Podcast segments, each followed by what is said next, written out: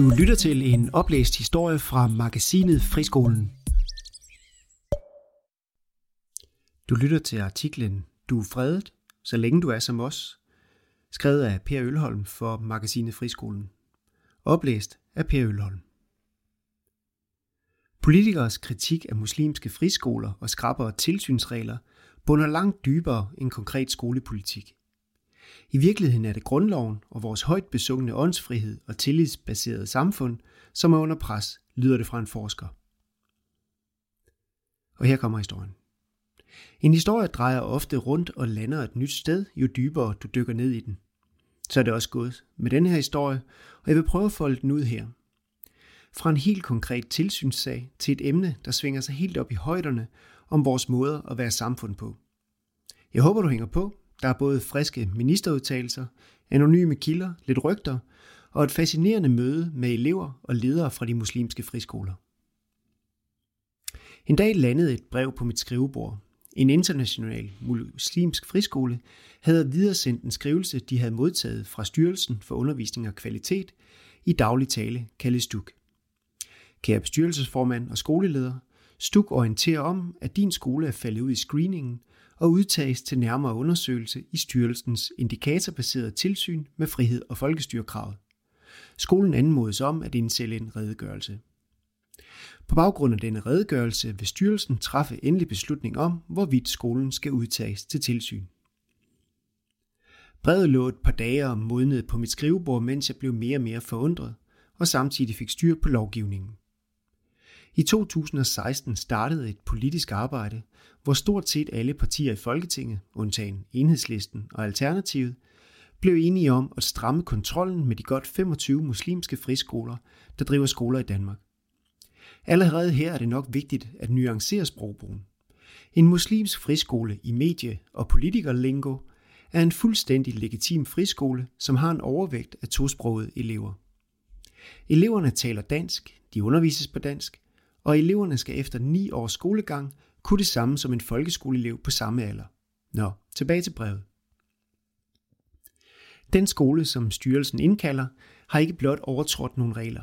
De er blot så heldige, at de igennem de seneste to år har haft over 50% ikke-vestlige elever, og ifølge de nye retningslinjer fra politikerne, stiller det skolen i en potentiel risiko for ikke at kunne leve op til frihed og folkestyrekravet, som der står.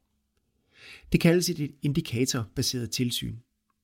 Samme brev lander hos skoler, der har over 30% elever fra ghettoområder, og skoler, som modtager over 20.000 kroner i donationer. Jeg er altid lidt forundret og ringer forskellige mennesker op for at blive klogere. Er det bare mig, eller emmer det lidt af diskrimination? Alt det, vi i skåltaler hylder hinanden for ikke at udøve. Alle er lige for loven, og vi forskelsbehandler ikke på baggrund af køn, race og etnicitet. Citat. For mig er det en forlængelse af en tendens, som har været undervejs i nogle år. De muslimske friskoler skal ned med nakken, fordi de ikke ligner os. Den nuværende regering er i særdeleshed udfordret, da deres verdensbillede handler om, at vi som befolkning skal være en homogen enhed, der har samme værdier. Gud skal vi ej have samme værdier. Citatet kommer fra Thorstein Balle, seniorforsker på Center for Grundvisforskning, som jeg fanger på telefonen i min søgen efter argumenter om denne nye form for tilsyn. Citat. Det er en mistænkeliggørelse af en hel befolkningsgruppe uden noget konkret grundlag. Og det modarbejder den åndsfrihed, som vi i over 150 år har bygget vores land op omkring, fortsætter Thorstein.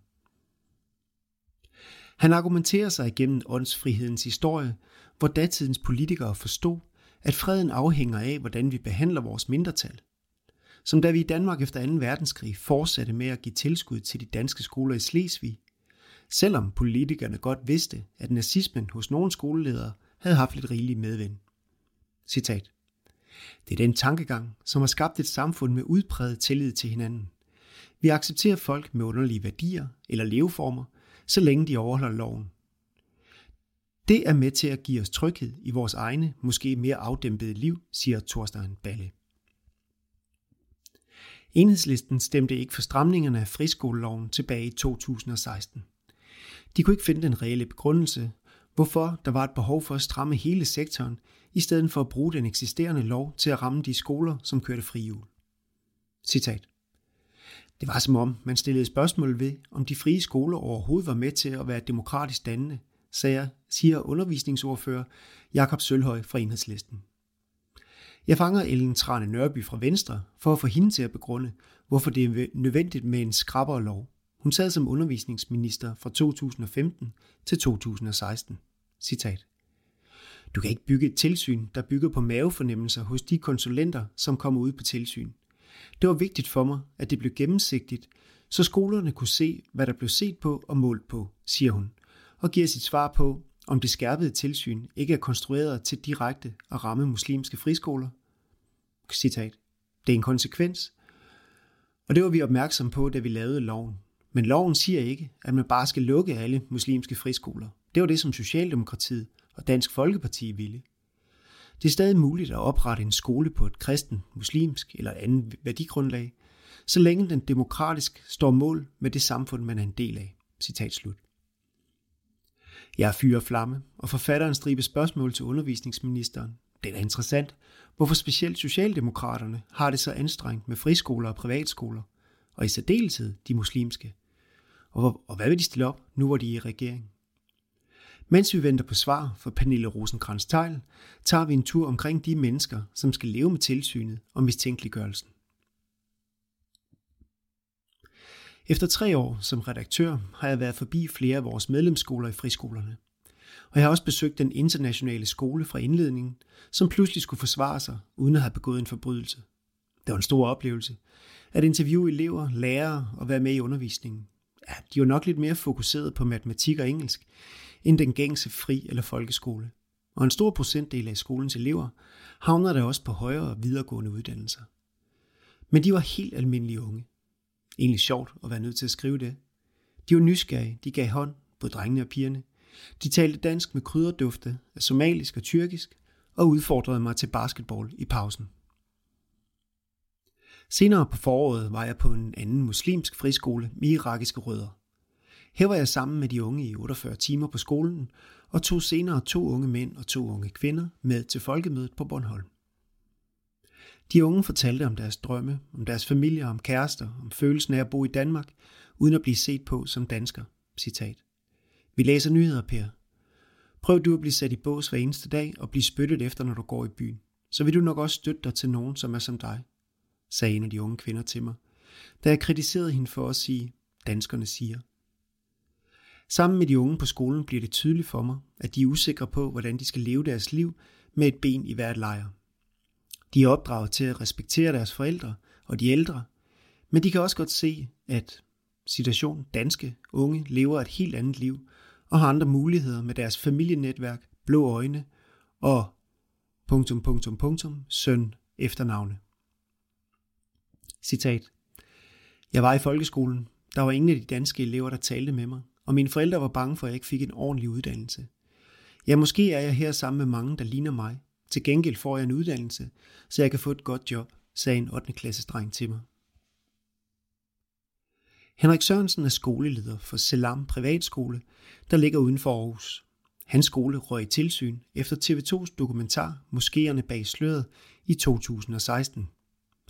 I slutningen af den sidste udsendelse bliver skolens navn nævnt af Ahmed Akari, den samme Akari, der i 2013 undskyldte for sin rolle i krisen om Jyllandspostens Mohammed-tegninger. Akari beretter om episoder 15 år tidligere under en anden leder end Henrik Sørensen. Citat fra Henrik Sørensen. Vi bliver anklaget for at fostre antidemokrater, og i samme sætning kræves vi lukket uden saglige argumenter. Vi kan kun tolke det som, at vores forbrydelse er, at vi er muslimer, siger Henrik Sørensen og fortsætter. Det er politisk forskelsbehandling, som heldigvis har et boldværk i konsulenterne fra styrelsen, som tjekker os igennem og senere frikender os. Jeg spørger i styrelsen, i Stuk, hvordan de oplever perioden 2016 til 2019 og får svaret. I forhold til dit spørgsmål om styrelsens evne til at udøve armslængdeprincip, kan vi opløse, at styrelsen er en selvstændig myndighed, der træffer afgørelser i tilsynssager efter lovgivningen og uafhængigt af det politiske niveau. Citat slut. Ja, her når vi så i denne historie frem til rygtebørsen, som beretter om en styrelse, der på dette tidspunkt er håbløst underbemandet, og bliver presset benhårdt af politikerne for at undersøge de muslimske friskoler fra sokkel til tagrykning. I embedsværket går man ikke offentligt ud med den slags kritik. Til dette tema har vi lavet en spørgeskemaundersøgelse, som er sendt ud til alle medlemsskoler i friskolerne, der har været under tilsyn fra 2016 til 2019. Og vi har ligeledes interviewet flere af dem. Mange ønsker ikke at stå frem, fordi de er bange for at vække medierne igen. Men med en mund, altså 100% siger de, at styrelsens konsulenter har udført færre og professionelt arbejde. Flere føler sig hjulpet til at stå styrket som skole efter tilsynet. Medierne og politikerne får derimod ingen ros. I journalistikken opererer vi med en stribe nyhedskriterier, som vi vælger historier efter. Sensation, fascination, aktualitet, identifikation, konflikt med flere. Jo flere kriterier vi kan aktivere i en historie, jo bedre performer historien ude hos læserne. En søgning i tre års overskrifter viser, at de muslimske friskoler hurtigt får fuld gas på fascinationshåndtaget. Terror, radikalisering, flerkoneri, stening, middelalderligt kvindesyn.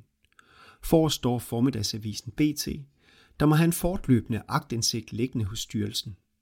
Når skolerne svarer konsulenterne på deres spørgsmål, er detaljerne på forsiden dagen efter med ofte svulstige kommentarer fra politikerne. Ifølge flere af mine kilder mangler politikerne fuldstændig respekt for styrelsens langsomme og grundige afdækning, der i flere tilfælde frikender skolerne eller hjælper dem på ret kurs, så børnene kan fortsætte med at gå i skole. Citat. Tilsynet fungerer efter hensigten, og det er nødvendigt, når du modtager penge fra fællesskabets kasse. Men det er urimeligt, at det skal tage så lang tid at påvirke sig politikerne. Det er et umenneskeligt pres, lyder det fra Henrik Sørensen fra Selam Privatskole, som først føler, at han er sig selv igen efter et halvt år efter afgørelsen fra Stuk. En oplevelse, han deler med flere af de skoleledere, jeg har interviewet. Citat. Det er hele din faglighed, der bliver udstillet. Og da det handler om forældre og børn i krise, så kan du aldrig offentligt fortælle om sagens fulde omfang, fortæller Christina Holt fra skolen.com, der var 18 måneder under tilsyn. Undervisningsminister Pernille rosenkrantz teil fra Socialdemokratiet er vendt tilbage med svar på mine spørgsmål. Men inden jeg udløser spændingen, vil jeg flashe min tvivl, for jeg ved, at hendes svar vil få mig til at spekulere på, om jeg i virkeligheden bare er naiv, at jeg er blevet forført af smilende muslimske indvandrere og deres charmerende børn. Jeg anerkender, at der var, og sikkert er, brødende kar i kurven, økonomiske svindlere og rodehoveder, og de skal straffes eller lukkes. Men det duer ikke min bedste overbevisning at dømme majoriteten på forhånd for noget, nogle få har ødelagt. Citat. Hvad tror du, der er det næste, hvis vi skal følge regeringens mantra om, at alle individer i Danmark skal dele værdier, spørger Thorstein Balle retorisk og svarer selv. Vi kan da starte med de kristne friskoler. De deler heller ikke værdier med os andre. Denne stramning med whistleblower-ordninger og indikatortilsyn er endnu et skridt i retningen af aflivningen af åndsfriheden og forældrenes ret til at vælge frit, hvad de mener er den rigtige undervisning for deres barn. I mailen til undervisningsminister Pernille rosenkrantz teil stiller jeg følgende spørgsmål. Tilsynet med de frie skoler er løbende blevet justeret med lovændringer de seneste tre år. Har de i din optik fundet sit leje nu, eller er der behov for yderligere stramninger?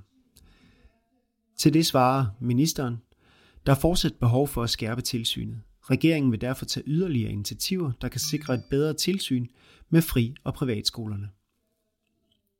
Nyt spørgsmål. Det indikatorbaserede tilsyn udtager skoler med en bestemt befolkningsgruppe til tilsyn. Kritikerne kalder det problematisk at lave regler, som kun rammer en bestemt befolkningsgruppe, og i praksis en bestemt religion. Hvordan forholder du dig til, du dig til det? Til det her spørgsmål er der ikke noget svar. Hvordan afhjælper dette nye tilsyn dannelsen af parallelsamfund? Bidrager det ikke nærmere til en mistænkeliggørelse af alle muslimske friskoler, når de automatisk hver år optræder på tilsynslister i stuk, som medierne refererer fra, uden at have overtrådt loven? Til det her spørgsmål er der heller ikke noget svar. Spørgsmål nummer 3.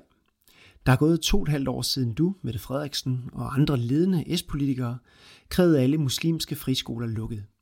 Hvorfor er du i dag på, hvor er du i dag på dette område? Er det stadig et mål? Til det svarer ministeren. Socialdemokratiet mener fortsat, at muslimske friskoler, der hæmmer integrationen, skal lukkes. I Danmark går vi i skole sammen på tværs af sociale og kulturelle lag, taler samme sprog og deler en række fælles værdier.